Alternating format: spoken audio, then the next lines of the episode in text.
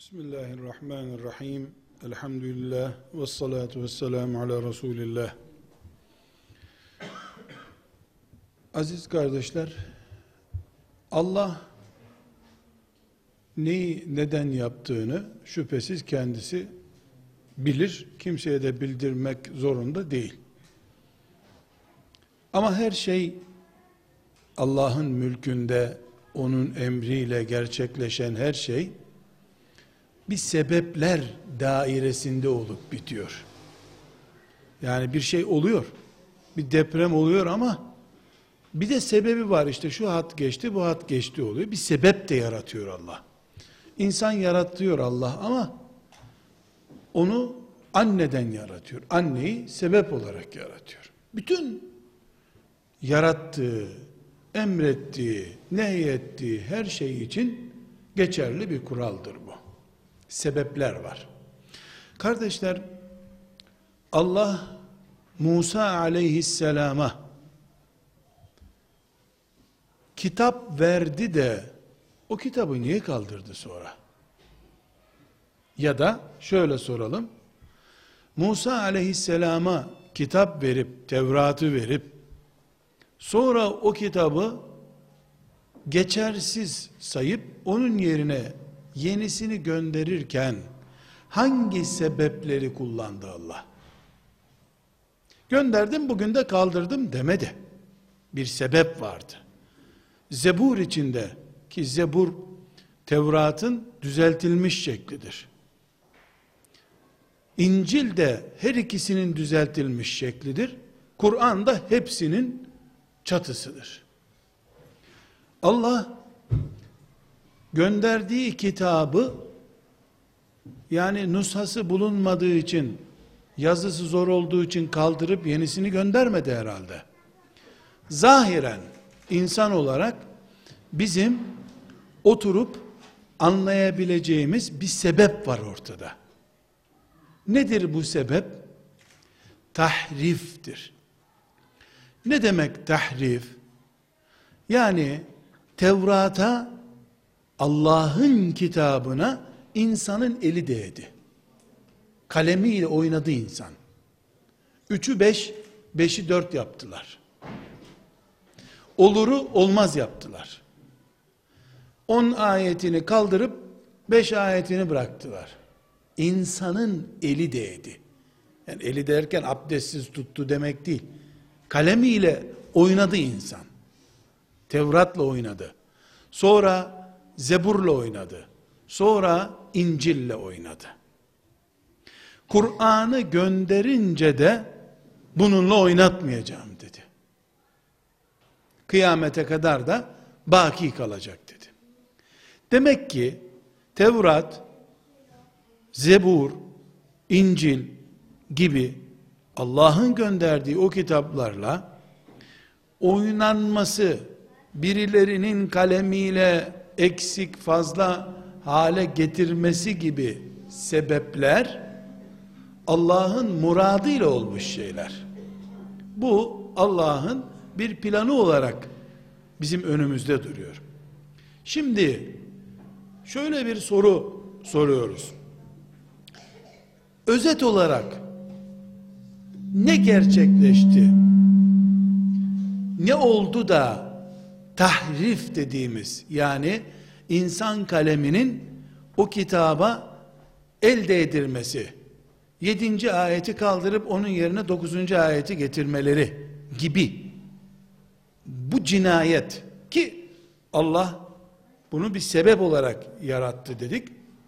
Bunu dışarıdan gelip mesela Yahudiler Tevrat'a iman edenler olarak dalgın bulundular da ateistler o zamanın ateistleri gelip Tevrat'ı mı bozdular? Bu cinayeti iman etmeyen yabancılar mı işlediler? Kesinlikle ateist işi değil bu. Laiklerin suçu değil bu. Kesinlikle değil. Neden? Çünkü Kur'an-ı Kerim bu Tevrat'ın ve İncil'in tahrif edilme suçunu laiklere yüklemiyor.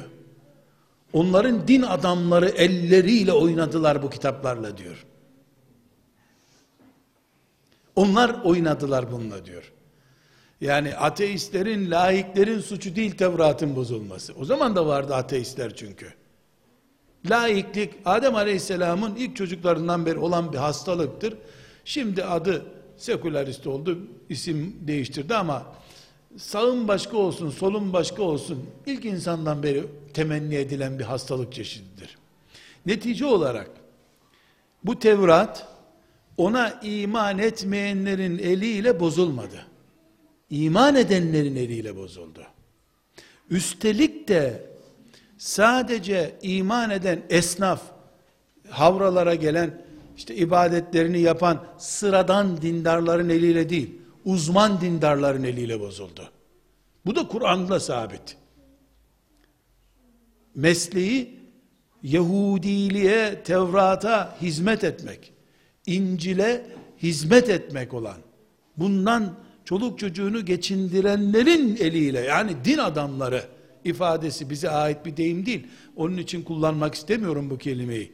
Ee, o zamanın anlamıyla din adamlarının eliyle Allah'ın dininin kitabı tahrif edildi. Bu Kur'an'la sabit. Yahu yaptığım araştırmaya göre filancalar bunu bozmuş olabilir.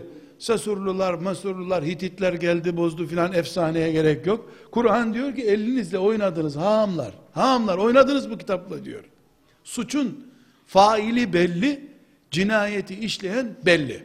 Ama sorumuza henüz cevap vermedik kardeşler. Hahamlar yani Yahudilerin Tevrat'ı ezber bilen hafızları, İncil'i ezber bilen papazlar, bunlar iç casus, ortadan Tevrat'ı kaldırmak için yetiştirilmiş siyah elemanı filan mıydılar acaba?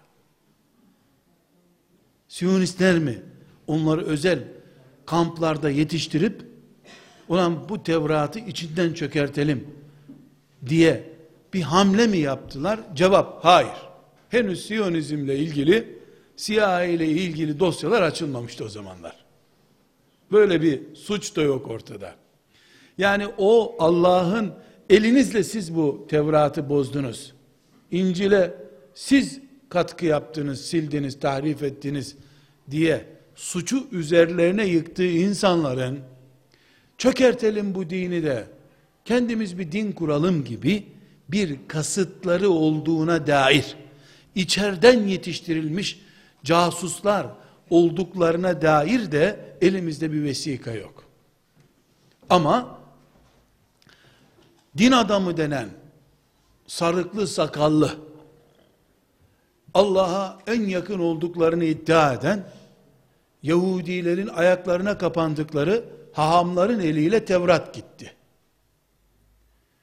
Biz İsa'ya şu kadar yakınız, bu kadar yakınız diyen papazların eliyle de İncil gitti. Ve bunu yükleyebilecekleri, suçu atabilecekleri filan çete, örgüt diye kimse de yok. Bunu bilerek yaptılar.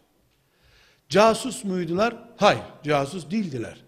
Yani dışarıdan sızmış, aslında inanmıyor, Tevrat'a inanmıyor ama Tevrat'ı çökertmek istiyor. Böyle bir kimse de değillerdiler. Ne vardı peki? Ne vardı? Şu vardı. Buraya çok dikkat ediyoruz kardeşler.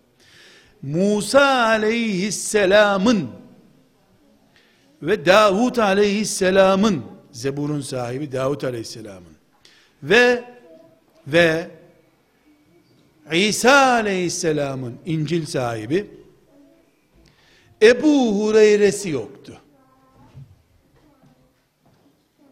Allah'ın nebisi Musa şöyle demişti diye Tevrat'ın nasıl anlaşılacağını peygamberin ağzından birinci ağızdan izah edebilecek bir peygamber varisi yoktu ortada. Allah'ın kitabı Tevrat, Zebur, İncil, Zebur esasen kitap değildir tek başına da ama muhteva olarak Tevrat'ın yenilenmiş şekli olduğu için onu da kitap olarak anıyoruz biz. Bu kitapların getiren peygamberleri bu kitapları izah ettiler ümmetlerine. Şudur, şöyle yapacaksınız, böyle amel edeceksiniz. Bu şu demektir. Allah size şöyle söylüyor dediler. Davut aleyhisselam ne yaptı ki ömrü boyu? E, İsa aleyhisselam kaldığı sürece İncil'i izah etti zaten.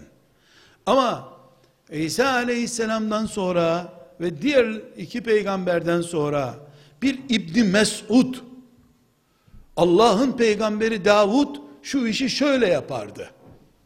Bir Enes İbni Malik çıkıp ben Musa'yı gördüm şöyle yapardı diyemedi. Zebur'un, İncil'in ve Tevrat'ın tahrif görmesi dış güçlerin eliyle değil, iç cehaletin nedeniyle olmuştur. Ama kasıtla, hıyanetle değil. Neden? Bir peygamberden sonra Allah'tan kalan kitap nihayetinde melekle peygamber arasındaki konuşmanın niteliğine sahip. Üstün seviyede bir bilgi. Ve yüzde yüz hayatın bütün ayrıntılarını izah etmiyor. Tevrat'ın hacmi e, Kur'an-ı Kerim'den büyük değil. İncil'in hacmi Kur'an-ı Kerim'den büyük değil. Şu andakileri itibariyle demiyorum. Şu anda elimizde zaten asılları yok bunların. Yani Kur'an'dan büyük kitaplar değil çünkü Kur'an hepsinin toplamı ve kendisi olan bir kitap olduğuna göre Tevrat daha küçük bir kitaptı demek ki. İçinde İncil, Zebur, Tevrat haliyle Kur'an-ı Kerim bugünkü hacmindedir. Bir de kendisi var Kur'an'ın. Çünkü musaddikan lima beyne yedey. Öncekilerde ne varsa onun da muhtevası Kur'an-ı Kerim'de var. Bu din adamları, bizde din adamı yok. Dinine iman eden insan olur. Herkes dininin adamı bizde zaten. Dininden geçinen ama hakkını vermeyen olur. Ona da din adamı demeyiz biz. Ayrı bir konu. Biz din adamı diye bildiğimiz kimseleri bilerek Allah'ın dini kalksın, kendi kafama göre bir kitap uydurayım diye bir hıyanet içinde olduklarına dair bir belgeyle de görmüyoruz. Ama bir sıkıntı var. Bir olayla karşılaşılmış. Bu olayla Allah'ın hükmü nedir diye merak etmişler. Açmışlar Tevrat'ı. Tevrat'ta belli yasaklar var. Belli emirler var. O emirlere benzetemiyorlar önlerinde çıkanı. Bu sefer peygamberlerinin ne dediğine dair ellerinde de birikim yok. Reçete var. Bu reçetenin ayrıntılarını bilmiyorlar. Dini yürüten şahsiyetler olarak da ya ne yapalım arkadaşlar anlamıyoruz bu kitaptan biz herkes anladığı gibi yapsın demeleri lazım. İpler ellerinden gidecek bu sefer. Havrada gelip sana vergi vermeyecek bu adamlar. Gelip sana itaat etmeyecekler. Ha Davut'tan Musa'dan İsa'dan elimizde bilgi yok ama böyle derdi muhakkak o. E, o da çünkü dinle yatıp kalkıyor bana göre mantığı var ya Papazlar da bana göre demeye başlamışlar bu sefer. Önce kolay şeyleri söylemişler. Yani misal olsun diye söylüyorum. Misal olsun diye söylüyorum. Yani Allah işte e, filan hayvanı haram etti. Tevrat yazıyor bunu. Yemeyeceksiniz bunu. Gitti Yahudinin biri başka bir hayvan yakaladı geldi. Geldi Haam'a dedi ki bu hayvan yenir mi? Haam baktı ki Tevrat'ta böyle bir ayet yok. E, Musa'nın ne dediğine dair de bilgi yok. Ebu Hureyre'si yok Musa'nın çünkü. Musa'nın Enes İbni Malik'i yok. İsa Abdullah İbni Mesud gibi bir delikanlı bulamamış bu hayatta. Aişe'si yok. Ali'si hiç olmamış zaten. Bir Ebu Bekir hiçbir peygambere nasip olmadı. Onun sünnetini koruyacak. Baktı ki yahu Tevrat'taki hayvanın boynuzu var. Bunun da boynuzu var. Bu da haram dedi. Ama şeriat koymuş oldu böylece. Bu ne oldu? Aslında benzetti adam ha. Boynuz mu boynuz. Bununki de boynuz, onunki de boynuz. Tamam. Mesela filan yağ Yahudiye haram. Hayvanların filan yağları haram diye Tevrat'ta hüküm var. Bunun da sırtında yağ var bu da haram. At bir kere Allah'ın hükmü gibi hüküm koymaya da yeltendin mi şeytan için iş bitti zaten. Tevrat o gün gitti. O ilk öküzün boynuzuna boynuzu geyiği benzettiler ya mesela o gün Tevrat gitti zaten. Çünkü şeytan için bir delik önemliydi. Fıçının bir tarafını deldi, su boşaldı sonunda. Kardeşler, İncil'in de başına aynısı geldi. İsa aleyhisselam Allah'a yükseldikten sonra onun İncil'i şerh eden sözlerinden bir şey kalmadı ortada. Kalmayınca papazlar kendilerini İncil açıklayıcısı hükmünde gördüler. O statüyü kendilerine biraz da çevre şartlarının baskısıyla hani la teşbih ve la temsil ev kredisine evet dedirtinceye kadar hocalara kamu baskısı yapılıyor ya şimdi ya ev kredisine evet dersin ya da sarığını bırakar gidersin kardeşim. O da sonunda meslekten olmamak için alın ev canım caizdir. Zaruret var. Köprü altında yaşıyor ya herkes. Hiç kış günü kar altında sokakta yaşıyor. Kredi caiz o zaman alın. Diyor ya işte bu İncil'i okutan mollaların başına gelen hastalıktı. O zaman kredi dağıtmıyorlardı da çaldıkları paraları bölüşme diye bir kanunları vardı. Şeytanın bütün insanlık yeryüzünde dolaştığından beri kanunu belli. Ya kadın üzerinden ya para üzerinden ya şöhret üzerinden bir şey yapacak şeytan. O zaman da bunu yapmıştı. Şimdi kardeşler şurada e, biz bunu toparlayalım. Sonra kendi sözümüze geleceğiz. Kur'an'dan önceki kitapların bugün asıllarının olmayışı dış güçler yüzünden değildir.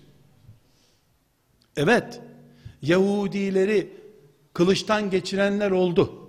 Kitaplarını yakan e, zulümler gördüler. Ama ondan önce ellerinde Tevrat kalmamıştı zaten.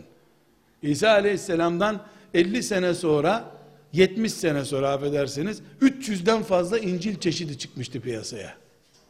Musa aleyhisselamdan 20 sene sonra Tevrat'ın nerede olduğu, yok sandık kayboldu, yok tabut kayboldu. 20 sene sonra Musa aleyhisselamdan Tevrat kayboldu. Bunun üzerine hafızları, ezber bilenler 3-5 ilavesiyle doldurdular Tevrat'ı. Uygun gördükleri ayetleri aldılar. Bir de din adamlarının keyfini bozacak ayetleri de son sureler olarak koydular. Yapraklar kayboldukça son sureler kayboldu. Temsil olarak söylüyorum. Kardeşler, dedik ki başta Allah her şeyi bir sebebe binaen yapıyor. Bir, bir sebep yaratıyor. Üşütecekse kullarını Allah, mesela havayı soğuk yapacaksa ona göre filan bulut dalgasını gönderir. Rüzgarı kuzeyden değil güneyden estiriyor. Böylece hava soğuyor. Alıyor kuzeyden gelen rüzgar güneyden geliyor, batıdan geliyor. iklim değişiyor. Bir sebep var. Durup dururken e, böyle olsun böyle olsun diye tuşa basılarak yapılmıyor. Allah tuşa basarak da yapar. Bir enter tuşuyla yok da eder her şeyi, var da eder ama büyüklüğü gereği, azameti, kudreti gereği sebepler de yaratıyor Allah Teala. Tevrat'ın ve İncil'in, Zebur'un yeryüzünde bugün olmayan kitap durumunda bulunmasının nedeni Tevrat ve Zebur'un peygamberlere dair Musa aleyhisselam, Davut aleyhisselam ve İsa aleyhisselama ait izahlardan yoksun ortada kalıvermesinden kaynaklandı. Ortada kalınca da bu kitaplar insanlar işte insanlar derken yani kendilerinde din adına konuşma selahiyeti görenler izahat yaptılar bu sefer. O izahatlar Tevrat gibi olunca Allah'ın indirdiği kitap olma niteliğini kaybetti. Kaybettiğince sebep gerçekleşmiş oldu. Kaldırıp yenisini getirdi Allah.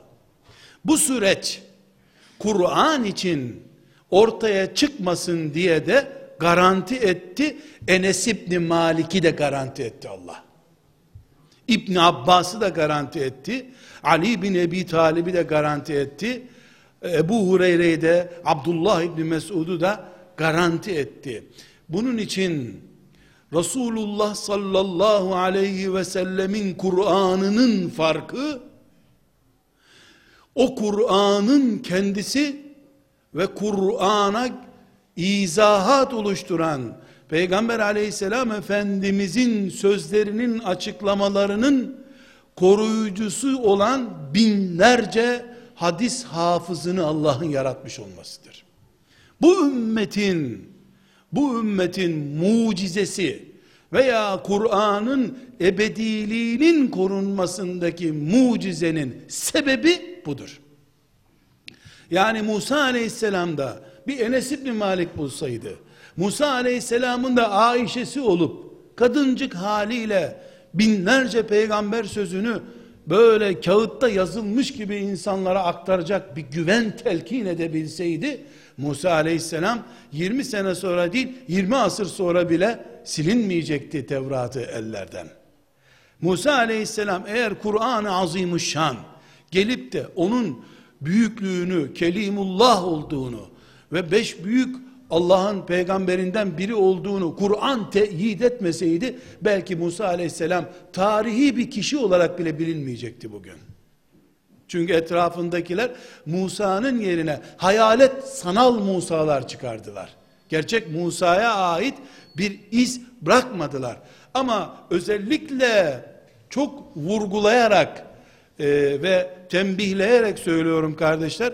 Yahudilerin bunu Yahudilerin bunu bilerek, hıyaneten, dış güçlerin etkisinde kalarak veya Siyonizmin baskısına dayanamayarak yaptıklarına dair elimizde bir bilgi yok. Saflık, cahillik ve Allah'ın böyle bir kaderi ta ezelden yazmış olmasından kaynaklanan bir sürecin sonu olarak e, Tevrat bu akibete uğradı.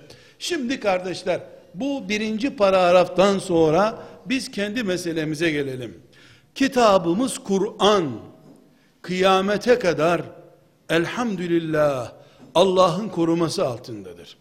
Bu koruma, bu koruma hiçbir belgeye dayandırmayacak olsak, yani hiçbir başka hiçbir belgemiz yok. Sadece Kur'an harflerini bir kere gözüyle görenin bile hapse atıldığı 30 seneye yakın zamandan sonra bile laik bir ülkede laik devletin kurumlarının verdiği maaşlarla yüz binlerce hafızın yetiştirilmesi Kur'an'ın Allah tarafından kıyamete kadar korunduğunun korunacağının açık belgesidir. Hiç başka bir belgeye gerek yok. Bir ayete güneşten bir vesika inmesine gerek yok. Kur'an'ı imha etmek için Kur'an'ın devletinin yerine başka devlet kuranların 100 senedir Kur'an'a hizmet için kadrolar kurmaları mucize mi mucize işte. Bu en az Musa aleyhisselamın Firavun'a büyüttürülmesi kadar büyük bir mucizedir. Bir net e, belge olarak elimizde bulunsun diye bunu örnek verdik. Kur'an Allah'ın koruması altındadır. Lakin arkadaşlar Kur'an iki türlü koruma altında olur. Bir kitap olarak tuttun mu çarpılıyorsun zaten dolayısıyla duruyor orada. Korunuyor. Nesi korunuyor? Yazısı korunuyor. Hani hikayeler var ya yol yapılacakmış bir yerde de dozer tam geliyormuş bozuluyormuş dozer. Bir daha geliyormuş bozuluyormuş. Dozerci ölmüş öbür dozerci ölmüş. Meğer orada bir yatırı varmış. Böyle bir koruma e, masalıyla da Kur'an korunabilir. Bu bir koruma boyutu doğru. Kur'an-ı Kerim'in maazallah yazısı, hurufatı elimizden gidebilir. Gitti Kur'an'ımız o zaman. Gitti Kur'an'ımız. Bu koruma bir çeşit koruma. İkinci koruma çeşidine gelince ki asıl koruma budur. İkinci koruma çok önemli. Kur'an-ı Kerim'in iniş maksadını gerçekleştirecek şekilde canlı kalacak korunmasıdır. Çünkü Kur'an bir anıt olarak işte tarihte kalmış filan bir yazıt olarak Birleşmiş Milletler'in koruması altında, UNESCO'nun koruması altında bulunan bir tarihi eser, o, o korumayı kastetmiyoruz biz. Kur'an'ın iniş maksadı nedir? İnsanoğlunun hidayetinde temel olmaktır. Çünkü Allah kullarına cennete girip girmeyeceklerini imtihan etmek için dünya hayatı vermiştir. Cennete girme yollarını göstermek için de kitabını göndermiştir. Dolayısıyla kitabı günün birinde kitap olarak piyasada var. En ucuz kitap. Aradığın gibi bulunuyorsun. Altın kaplama, yaldız vesaire her şey var. Ama Kur'an'ın fonksiyonu yok. Kur'an aktif değil. Kitap olarak var, aktif değil. Kur'an korunmuş olmaz. Demek ki Allah Kur'an'ımı koruyacağım. Biz indirdik, biz koruyacağız diyorsa bunu birileri seka kağıt fabrikasında senelerce hamur yapsa da koruyacağım bu kitabı demektir. Birileri Kur'an'ın sistemini imha ettiklerini zannetseler intikam olsun, onlarla alay olsun, Allah'ın mekrinin azametini görsünler diye onların eliyle bile Kur'an'ın devletini, ahkamını yaşatacağım demektir bu. Kur'an'ın korunması budur. Dolayısıyla Kur'an-ı Kerim'in birinci boyuttaki koruması, hangisidir o birinci boyuttaki koruması? Kitap olarak. Bu çok büyük bir mucize değil. Mucize ama korumakla asıl maksat bu değil. Korumakla asıl maksat cennete girmek için ne yapması gerektiğini insanlara izah edecek olan bu kitabın izahının kıyamete kadar canlı kalması koruma budur.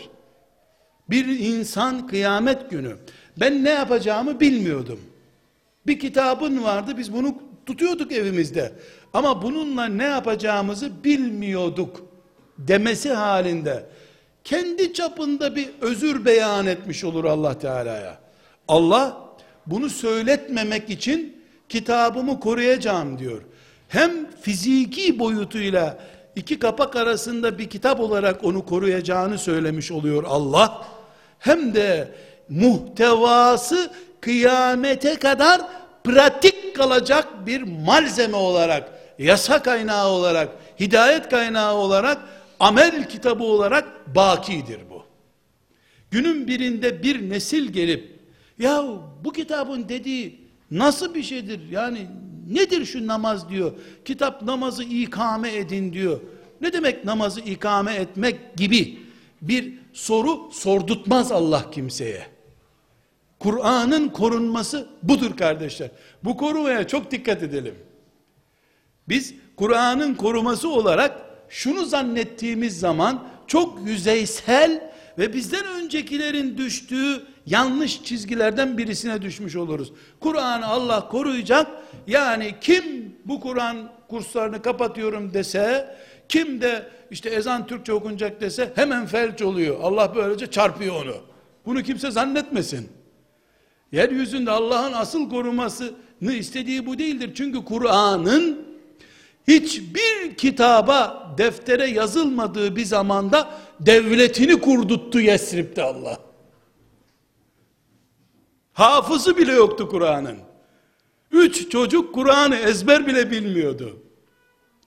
Kur'an'ın devletini kuran Mus'ab bin Ümeyr radıyallahu an 70 sure bilmiyordu Kur'an'dan. Kur'an'ı koruyacak Allah kitabına, bilgisayar CD'sine mi ihtiyacı var?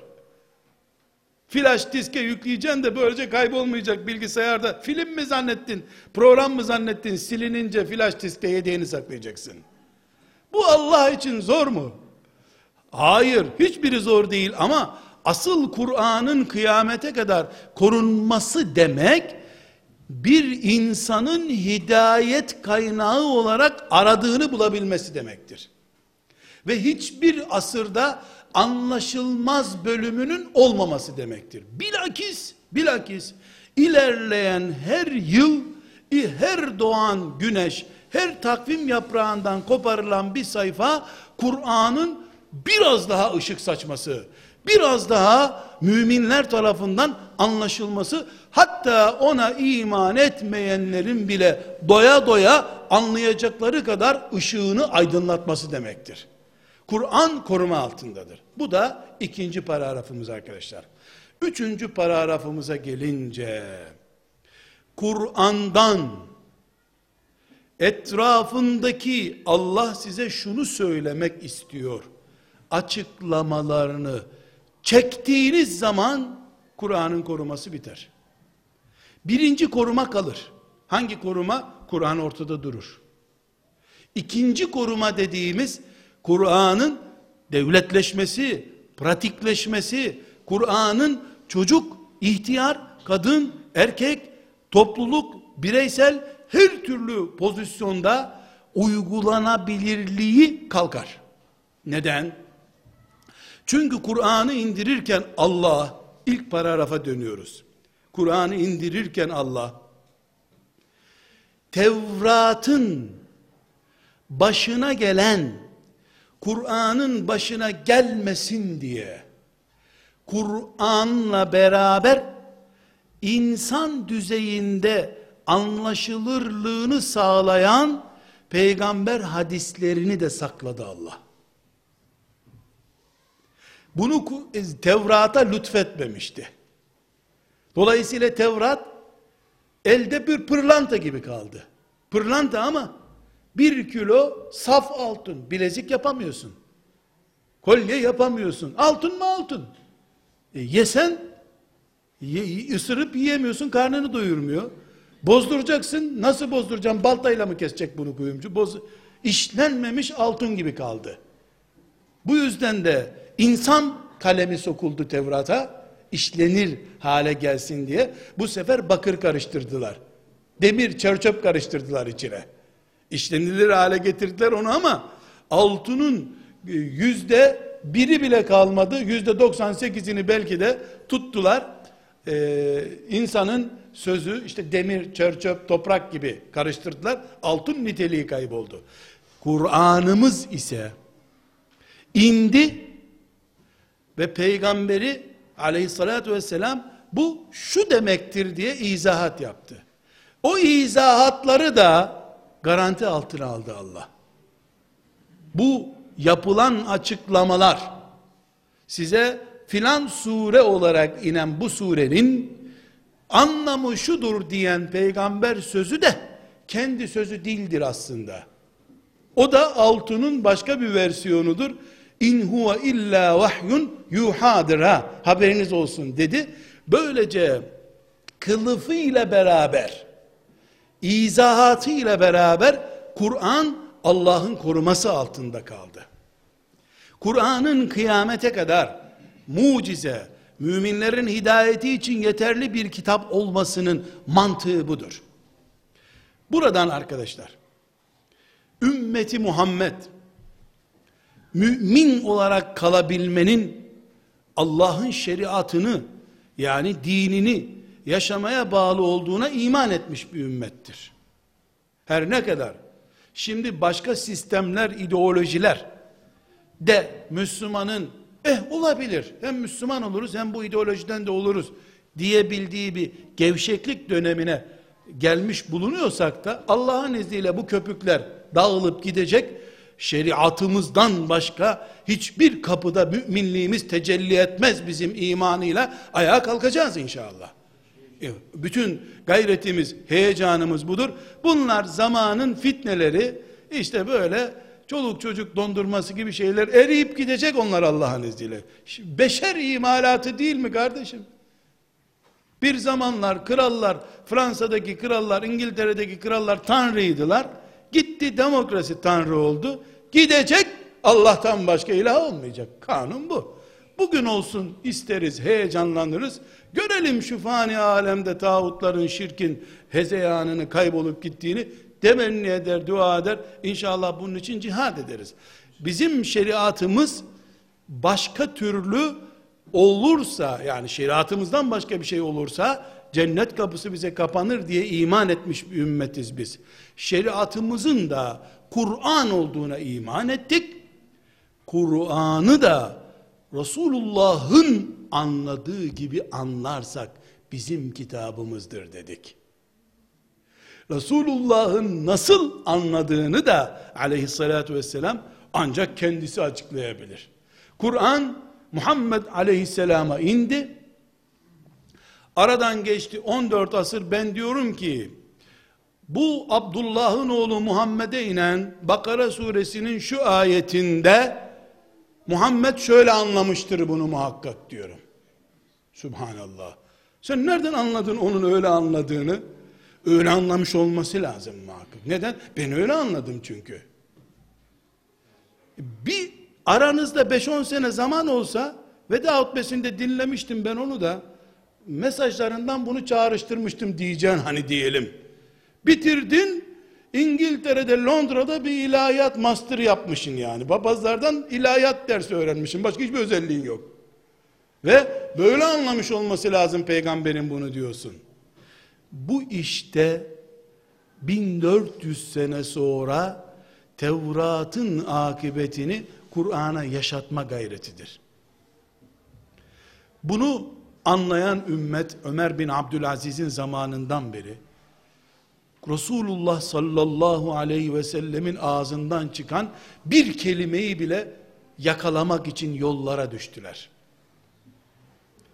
50 bin kilometre at sırtında, deve sırtında bir hadis, beş hadis öğrenmek için yol kat eden alemi var bu ümmetin. İlim değil dert. Resulullah'tan düşen bir inci yerde kalmasın toplayalım gayretidir. Kardeşler hadisleri yani peygamber sözünü çıkardığınız zaman elinizde Tevrat gibi bir Kur'an olur. Çıkartmaz Allah bunu. Çıkartsaydı eğer ümmetimiz ne badireler geçirdi. Kardeşler bir mucize daha. Kur'an'ı ve ezanı 20 sene ana diliyle okumayı bile yasaklayanların ilk bastırdığı kitap Sahih-i Buhari'dir biliyorsunuz. Hala piyasadadır. Böyle yapar Allah yaptığı zaman. İntikamını böyle alır. Subhanallah. Bunu Mısır'da bir ezherde bir ulema grubu yapsa kabul edeceğim. Kamil mirasa yazdırdıkları tecridi sahih Bukhari'dir.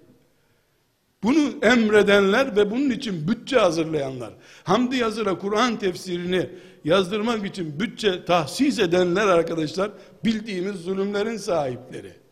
Ey kurban olduğum Allah'ım. Bunu Suudi Arabistan'da, Yemen'de birine yaptırsaydı, dışarıdan kurtarmış olacaktı kitabını, pek zevkli olmayacaktı bu.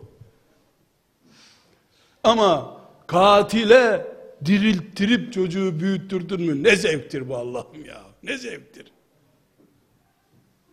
Kur'an'ımız tek başına kitaptır ama ikinci versiyon korunması Kur'an-ı Kerim'in yani pratik bir kitap olarak kalması Ebu Hureyre'nin Resulullah bu ayeti şöyle açıklamıştı demesine bağlıdır. Aksi takdirde arştan inmiş bir pırlanta gibi kalır elinde senin. Yapacak bir şey yok. Arştan inmiş bir pırlanta. Bu nedenle kardeşler, en başta bir söz söyledim. Tekrar ona dönüyorum.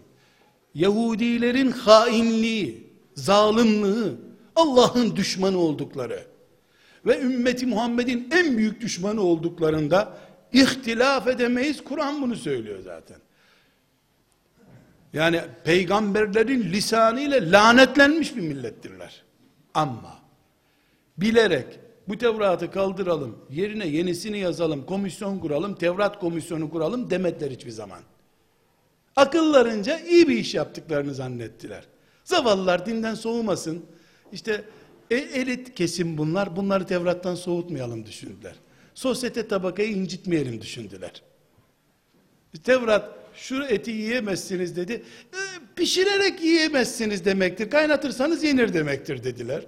Evirdiler, çevirdiler, sosyeteden çekindiler. iktidardan çekindiler, bir şeyden çekindiler hep. Ama alttan çökertelim Tevrat'ı diye bir komisyon kurmadılar arkadaşlar. Ama Tevrat ellerinde gitti. Demek ki aptallık, saflık, cahillik, dış düşmanlık kadar tehlikeli kitap için. Bunu da onlardan anladık. Bugün, dün, yarın, kıyamete kadar kim Resulullah sallallahu aleyhi ve selleme ait olduğu belli olan hadisi A, B, C hadisini yok saymaya yönelik ağzından bir şey çıkarıyorsa arkadaşlar ona gavur, siyonist, siyah ajanı, Batı'da okudu, satılmış diyemeyiz. Bunlar belge isteyen şeylerdir. Bir mümini kafirlerle işbirliği yapmakla itham etmek, gavur isnadı yapmak demek. Bunu yapan Allah'tan korksun. Ama hahamlar da böyle yapmışlardı deriz. Onların da kötü niyeti yoktu. Onlar da akıllarınca Allah'ın yapamadığını yapıp bu işi düzeltmeye çalışmışlardı. Onlar da öyle iyi niyetle yaptılar bu işi. Bu paragrafla beraber konum bitmiş oldu arkadaşlar. Şimdi dipnotlarına geçeyim sözlerimin. Bir nolu dipnotum kardeşler. Hadis külliyatımız bizim. Yani Resulullah sallallahu aleyhi ve selleme ait olduğuna dair itikadımız bulunan külliyatımız Bağdat'ta Halife Harun Reşid'in kurdurduğu bir komisyonun eliyle yazılmış bir kitap değildir arkadaşlar. En az, en az 10 bin, en az 10 bin kendini Allah'a ve ilme adamış muhaddis yani hadis alemi 400 sene uğraşarak bu külliyatı ortaya çıkarmışlardır. Ve bunun için dünyanın etrafı en az 50 defa dolaşılacak kadar yol kat edilmiştir. Bugünkü bilgisayar teknolojisiyle bile derlenip toparlanması çok güç bir işi yapmışlardır. Allah onlardan razı olsun.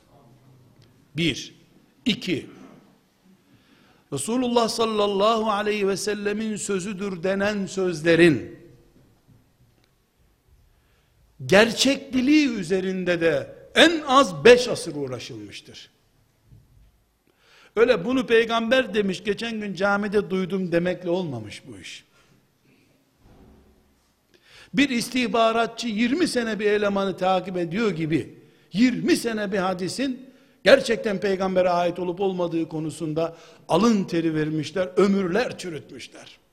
Kardeşler, geriye döndüğü zaman evinde 20 yaşında delikanlı görüp hanımının kaçak iş yaptığını zanneden alimler olmuş.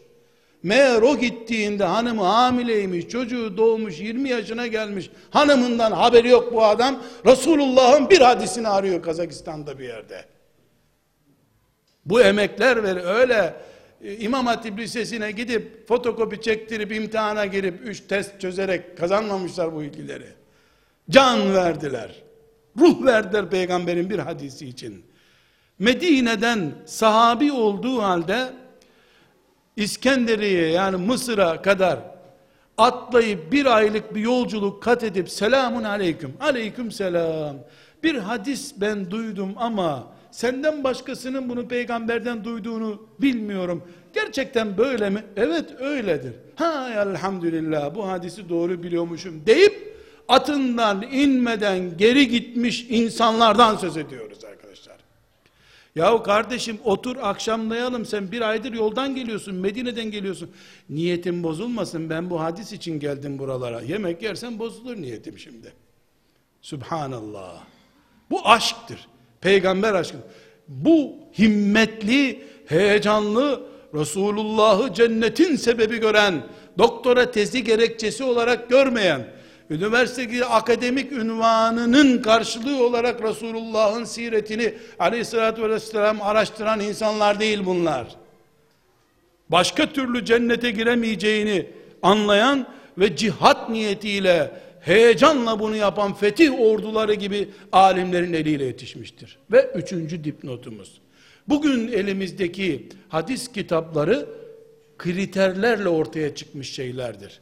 Sahihi Bukhari dediğimiz kitap, Sahihi Müslim dediğimiz kitap 1150 sene önce yazıldı kardeşler.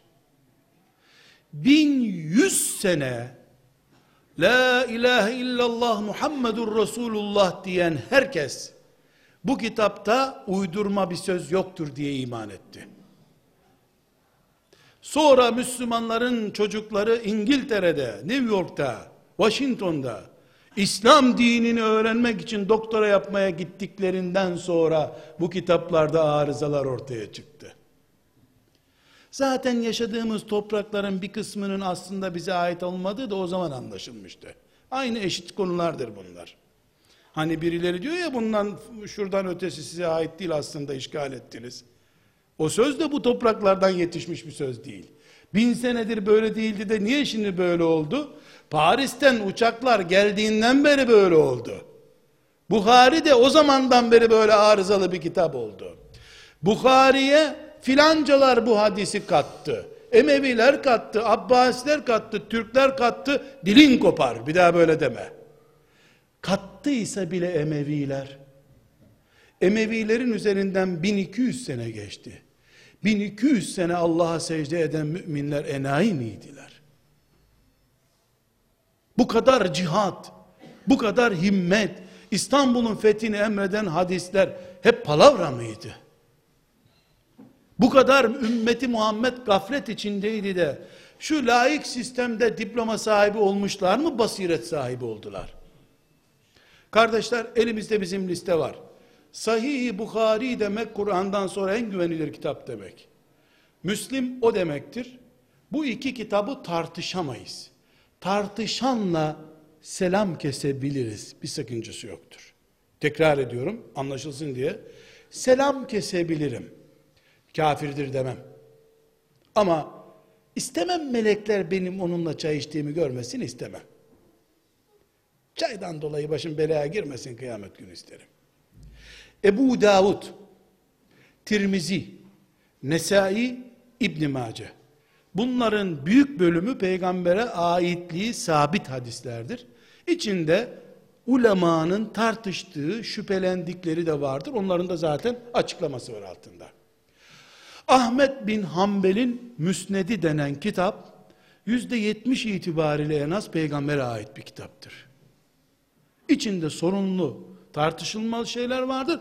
Onları İmam Ahmet'in kendisi ve talebeleri tartışmışlar zaten. İmam Ahmet de bunu buraya koydum ama yani araştırılsın bu demiş. Ben duydum. Biz evham üzerinden din yaşamıyoruz. Ve dördüncü son dipnotum kardeşler. Çıkarın hadisleri sadece Kur'an'ı alın. Evvela darbeyi namaz görür. Üç vakte iner namaz. Kur'an'da beş vakit namaz yok çünkü. Ne dört vakit, ne iki, ne iki rekat sabah namazı, ne dört rekat öğle namazı bulamazsınız. Çıkar aptal İbni Aptal, der ki namaz duadır, yap duanı, dua da Rabbim demektir. De Rabbim öğle vakti, kindi vakti gir cennete der. Aptal İbni Aptal bu. Çünkü hadisi kaldırma arzusu arkadaşlar, Kur'an'ı yalınlaştırma arzusudur. Bu da şeytanın 4000 sene önce yaklaşık Tevrat'ı okuyanlara kurduğu tuzaktı bu. Bunu bize Allah öğrettikten sonra bu tuzağa biz bir daha düşemeyiz. Kardeşler,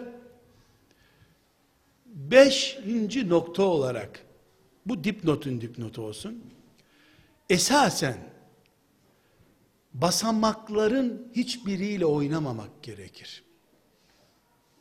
Basamakla neyi kastediyorum? Sana bugün vahiy mi geldi din olarak? Yok. Nereden öğrendin bu dini? Elif cüzünü hocandan öğrendin. İlmu hali filancadan öğrendin. E sen şimdi hocana sövüyorsun yoksa sen kafir bir hocadan mı öğrendin? Sen şarap bardağıyla mı zemzem içtin? Üstlerle oynamak riskli. O yüzden birisi Ebu Hanife ile İmam Şafii ile, İmam Malik ile, Ahmet bin Hanbel ile, Bukhari ile, Müslim ile, İbn Mace ile direkt oynuyorsa basamağı kesiyor. Basamağı keserken ben de düşeyim aşağı diye kesmiyor. Bukhari'yi niye kaldırıyor? Ebu Hanife'yi niye görmek istemiyor? Ebu Hanife'nin yerine oturmak için. Hani üniversitede tıp fakültesinde profesör, dahiliye bölümü başkanı o oradayken sen başkan olamıyorsun. İhbar ediyorsun bu filanca şey düşmanıdır diyorsun. Adamı görevden alıyorlar. Sırada sen gelince oraya geçiyorsun.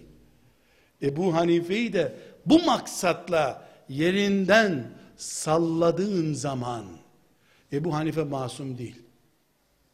Cennetten çıkmış biri değil Ebu Hanife. Cennetten kovulmuş bir babanın oğlu üstelik. Hata eder. Ama senin onunla oynamandan şüphe ediyorum ben. Şeriatımız bize hangi yollarla geldiyse o yolları aydınlık tutmak zorundayız. İçtiğimiz bardağı kirletemeyiz. Ama Ebu Hanife'yi de put yapamayız. Biz Ebu Hanifeci değiliz. Olamayız. Çünkü la ilahe illallah Muhammedur Resulullah ve Ebu Hanife diye bir şey var mı canım? Ebu Hanife kelime-i tevhid mi? Değil ama kelime-i tevhidi öğreten öğretmen. Ebu Hanife'yi niye kaldırdığını bana açıklaman gerekiyor. Çok temiz niyetlerle kaldırıyorsun. Kimi koyacaksın onun yerine? 1400 sene sonra geldin sen mi oturacaksın? Özelliğin ne? Bilgisayarın var. Teşekkür ederim. Toplantımız bitmiştir.